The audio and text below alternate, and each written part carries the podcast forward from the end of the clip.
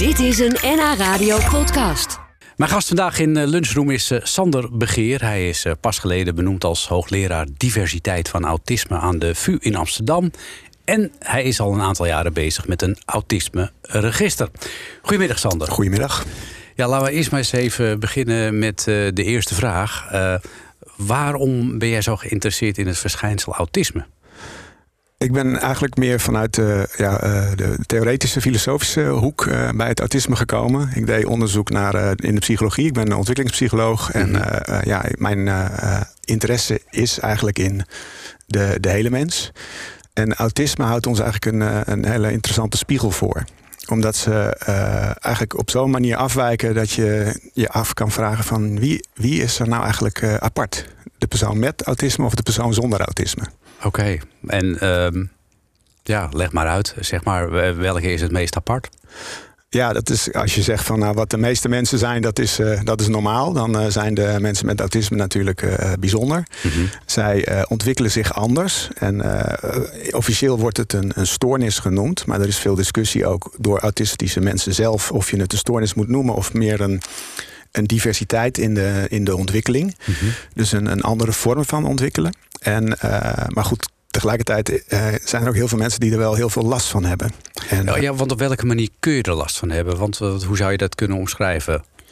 Nou, het is, het is een, een, een, een diagnose die is uh, eigenlijk bedacht. En die is eigenlijk gebaseerd op, op twee domeinen. Je hebt sociale kenmerken. Dus het voeren van een gesprek, omgaan met andere mensen, het herkennen van uh, gezichtsuitdrukkingen, non-verbale hm. signalen, dat soort dingen moet je dan aan denken. En je hebt ook meer de niet-sociale kenmerken. Dat is uh, bijvoorbeeld uh, bijzondere interesses, stereotype bewegingen, beperkte, gestructureerde behoefte aan activiteiten. Mm -hmm. En ja, als, je, als je die gedragingen tegelijkertijd, als, als die -hmm. allemaal op jou van toepassing zijn, ja. dan kan je zo'n autisme-diagnose krijgen. Ja, maar zou, zeg maar bijvoorbeeld iemand die vroeger heel erg uh, bezig was met alleen maar zijn postzegelverzameling. Uh, zou je die tegenwoordig autist noemen? Niet per se. Uh, er zijn genoeg mensen met bijzondere interesses en daar kan je heel gelukkig mee worden. En dat hoeft niets met autisme te maken hebben.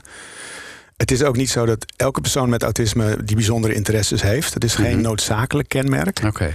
Maar het komt wel vaak voor bij mensen met autisme. Ja. Nu is het uh, tegenwoordig, uh, wordt het vaak gebruikt ook een beetje als een soort scheldwoord. Iemand die een beetje teruggetrokken is en een beetje eigenzinnig, die wordt dan snel autist genoemd. Ja. genoemd. Zijn dat ook kenmerken van autisme?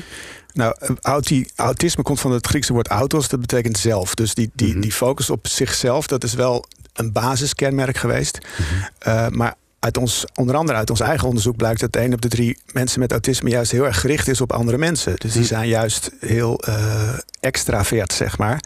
Maar wel op een manier die niet helemaal aansluit uh, op hoe de meeste mensen het doen. Dus die, die gaan bijvoorbeeld los op een bepaald onderwerp. En die blijven, blijven maar heel de tijd daarover doorpraten. En, hm. uh, ja, die vinden dan een baan bij de radio. Oh, op die manier. nou, leuk, dankjewel.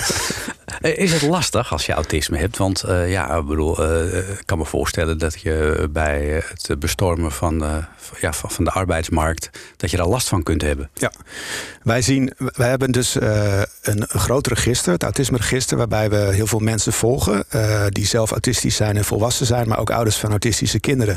Mm. Of wettelijk vertegenwoordigers van mensen met autisme met een verstandelijke beperking. Mm -hmm.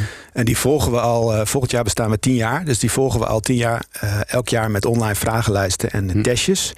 En wij zien in die groep dat uh, bij onze volwassenen, die zijn gemiddeld tot hoog opgeleid. Mm -hmm. uh, die moeten zelf die vragenlijsten invullen. Dat is dus een beetje een, uh, ja, het neusje van de zalm. En toch is het meer dan de helft daarvan heeft geen betaalde baan, zeg maar. Okay. Dus er zit veel werkloosheid. En je ziet ook dat die, die werkloosheid hangt ook echt samen met een, een, een lager welbevinden. Dus dat mm. is niet een keuze. Nee. heel veel mensen met autisme willen heel graag werken hebben ook uh, gestudeerd bijvoorbeeld, hebben heel veel talent. Uh, maar het lukt niet om die stap naar de arbeidsmarkt te maken. En zijn dat dan sociale factoren? Uh, deels. Het kan zijn dat, er, dat de werkzaamheden niet aangepast zijn op de capaciteiten van iemand met autisme. Maar het kan ook zijn dat het bijvoorbeeld de prikkelverwerking een probleem is. Dat je in een kantoortuin moet werken, wat, mm-hmm. wat veel te, ja, te, te, snel overprikkelend is voor iemand met autisme. Ja, we, we, we lieten net de term al even vallen, het uh, autisme-register. Mm-hmm. Um, het Nationaal Autisme-register Nederlands, zelfs. Nederlands Autisme-register. Oh, Nederlands Autisme-register. Waarom was dat nodig? Nou, omdat je zoveel onderlinge verschillen hebt tussen mensen met autisme. Als je één persoon of tien personen met autisme onderzoekt, dan weet je eigenlijk maar heel weinig. Hm. En we wilden juist door die grotere groep te bekijken, meer kunnen zeggen over die diversiteit van die, Hm. van die, van die mensen. Dus ook bijvoorbeeld kijken hoe zit het met mannen versus vrouwen met Hm. autisme. Of eh, met autisme over de levensloop. We hebben jonge mensen, maar ook mensen tot in de tachtig die autistisch zijn. En ook eh, mensen met een hoge of lage begaafdheid. Maar ook ja, sommige mensen die, daar gaat het heel goed mee. Die, die hebben heel veel talent. En die, eh, eh, ja, die dragen echt bij aan de, aan, de, aan, de, aan, de, aan de voortgang van de mensheid. En Hm. waarom lukt het voor sommige mensen zo goed? Hm. En waarom maken zij juist echt eh, een unieke bijdrage? Je zou eigenlijk kunnen zeggen, elke wetenschappelijke uitvinding in de geschiedenis van de mensheid, als je naar die types kijkt, dat, dat zijn heel vaak mensen met, met autistische trekken. En eh, nu zie je bijvoorbeeld ook Elon Musk, die dus eh, de Tesla, de elektrische auto's, heeft uitgevonden. Dat is ook iemand met autisme. Greta Thunberg, dat meisje die de klimaatverandering op de politieke wereldagenda zet, die is ook autistisch. Dus het zijn wel de, de, de, de voortrekkers. En, eh, Omdat ze waarschijnlijk heel een, ja, eenduidig gericht zijn misschien ook. Ja, en ze hebben meer een lange termijnvisie. En ze Hm. zijn ook misschien wat minder eh, geneigd om met de conventies van een groep mee te gaan. Maar dat is niet altijd goed. Om je aan te passen. Om je aan te passen aan de groep. Dat is wel gezellig, maar het betekent niet. Dat, hangt, ja, dat, dat, dat is niet de groep denken of zo, is niet altijd iets positiefs. Nu, nu heb je dat register, hè? Eh, hoe, hoe werkt dat? Eh, is iedereen die eh, gediagnosticeerd wordt, wordt die in dat register opgenomen? En kan ik, kom ik meteen bij de volgende vraag, kan ik zelf ook in dat register kijken? Ja. Eh, eh, helaas is niet iedereen vanzelf lid. Eh, dat mogen mensen zelf doen. En wij nodigen mensen graag uit om deel te nemen. Als je naar autismeregister.nl gaat, dan kan je je aanmelden. Als je autistisch bent, dan, dan, dan geef je dat aan. Maar ook mensen zonder autisme nodigen we uit om deel te nemen. Want we willen juist ook meer weten over hoe de vergelijking is tussen mensen met en zonder autisme. En het is met name wat we zien ook veel volwassenen die pas op later leeftijd de diagnose hebben gekregen. Mhm. En de, de diagnostiek, dus het vaststellen van die diagnose bij volwassenen met en zonder autisme, dat is iets heel ingewikkelds. En we zijn daar ook op zoek naar meer en betere instrumenten om de praktijk daarbij te helpen. En dat is een, onder andere een groot onderzoek wat we nu aan het doen zijn, waar we online testjes gebruiken om te Mhm. kijken, als we heel veel mensen met en zonder autisme die testjes laten doen, thuis op de computer, kunnen we dan uiteindelijk kijken hoe we wat meer objectief het autisme kunnen vaststellen. Ja, we gaan er straks eh, over verder praten. Over het Nederlands Autisme-register. En alles eh, wat te maken heeft eh, met autisme. En dat doen we vanmiddag allemaal gezellig in deze uitzending van Lunchroom met Sander Begeer. We hadden het net al even over het eh, Nederlands Autisme-register, Sander. Wie willen jullie allemaal in dat register hebben? Want er zijn natuurlijk mensen met autisme die, zoals je net al zei. Eh, verder eigenlijk eh, zich heel normaal ontwikkelen. Maar je hebt ook mensen met een beperkte eh, verstandelijke ontwikkeling... die ook autist genoemd worden. Eh, we willen iedereen. Ehm, we, we hebben wettelijk vertegenwoordigers van mensen met autisme met een verstandelijke beperking. En ouders die rapporteren over kinderen totdat ze 16 jaar oud zijn. We willen het liefst iedereen. Maar we, eh, we, we bereiken de mensen met een verstandelijke beperking en ook mensen met een migratieachtergrond nog te weinig. Dus Mhm. daar zijn we mee bezig om dat, om dat eh, verder te verbeteren. Eh, en tot nu toe zien we heel veel mensen die meedoen met onze eh, vragenlijsten die eh, ja, gemiddeld tot hoog opgeleid zijn. En, en wat kun je met al die gegevens? Nou, we hebben dit register samen opgericht met de Nederlandse Vereniging voor Autisme, de NVA. We hebben twee doelen: we willen autisme begrijpen en mensen met autisme ondersteunen.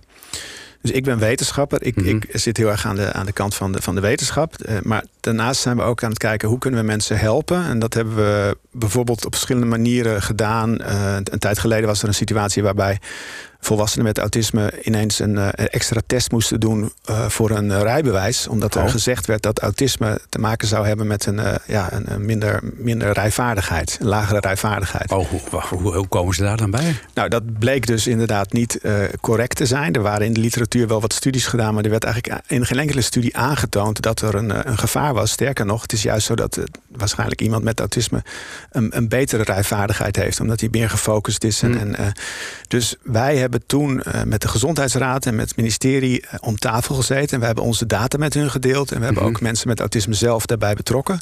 En op basis van die eh, acties is het beleid aangepast. Dus op zo- op zo'n manier proberen we dus echt het beleid voor mensen met autisme te verbeteren. En vooral om ook informatie te geven over wat autisme is en wat het niet is. Ja.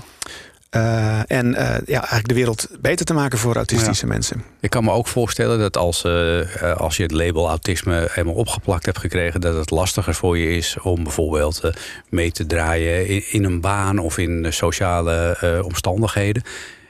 daarbij zou je ook kunnen bedenken dat mensen zich gaan aanpassen om dat autisme te verhullen. Ja, ja.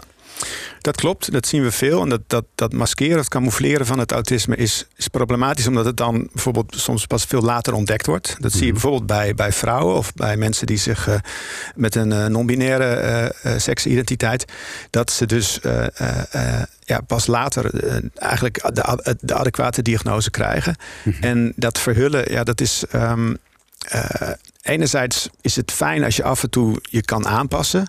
Maar het moet ook zo zijn dat je in een, in een omgeving, in een werkomgeving, gewoon jezelf kan zijn. Hm. En eigenlijk is het probleem van autisme is een mismatch tussen de persoon en de omgeving. En we zien dat als die omgeving eh, goed aangepast is voor de persoon met autisme, dat het dan juist heel goed gaat. Dus er hm. zijn ook banen waarvoor autisme iets is wat je op, op je sollicitatiebrief zet hm. bij je kwaliteiten. Juist. Ja. En er zijn bedrijven die actief werven naar mensen met autisme. Microsoft en, en uh, eh, ASML en, en uh, in Silicon Valley in Amerika, waar heel veel softwarebedrijven zijn, daar, daar wordt proactief gezocht naar werknemers met autisme, omdat ze daar zulke goede ervaringen mee hebben. Omdat die zo gefocust zijn. Ja, ja. ja, ja. En tegelijkertijd is dat de link tussen autisme en de IT is ook een misverstand. Want wij zien in onze data dat bijvoorbeeld twee keer zoveel mensen met autisme werken in de zorg en welzijn als in de IT. Je meent het. Ja, dus het is heel dat divers. lijkt me in de zorg en welzijn best lastig dan. Nou, dat is, dat is een van de misverstanden over mensen met autisme. Die kunnen op zich heel goed uh, uh, ja, met, met andere mensen werken als daar hun interessegebied ligt. En mm-hmm. dat, dat, dat, dat, het, is niet, het, het, gaat niet altijd goed. Maar en net als mensen zonder autisme kan dat gewoon prima gaan. Je hebt ook mensen met autisme die zijn psychotherapeut, die zijn huisarts, die zijn mm. medisch specialist. En op de universiteit eh, zien we heel veel mensen met autisme ook. En, uh, oh ja? Ja, ja. We zien ook mensen met autisme die in de wetenschap werken, die rapporteren het hoogste, de hoogste tevredenheid over hun, eh, over hun werk omdat ze zich zo kunnen bezighouden met cijfers, uitkomsten. Nou, cijfers, het is meer een, een, een, een soort hyperfocus, zeg maar. Hmm. Wetenschappers die hebben vaak, die zijn echt specialist op één gebied. En, en het is gewoon heel fijn, en dat heb ik zelf ook, om je helemaal op één onderwerp te storten. Hmm. En dat is een, ja, dat is een, dat is een domein waar je dus ziet dat, dat autisme echt een, een talent kan zijn, een meerwaarde. Heb je bij jezelf ook autistische trekjes ontdekt?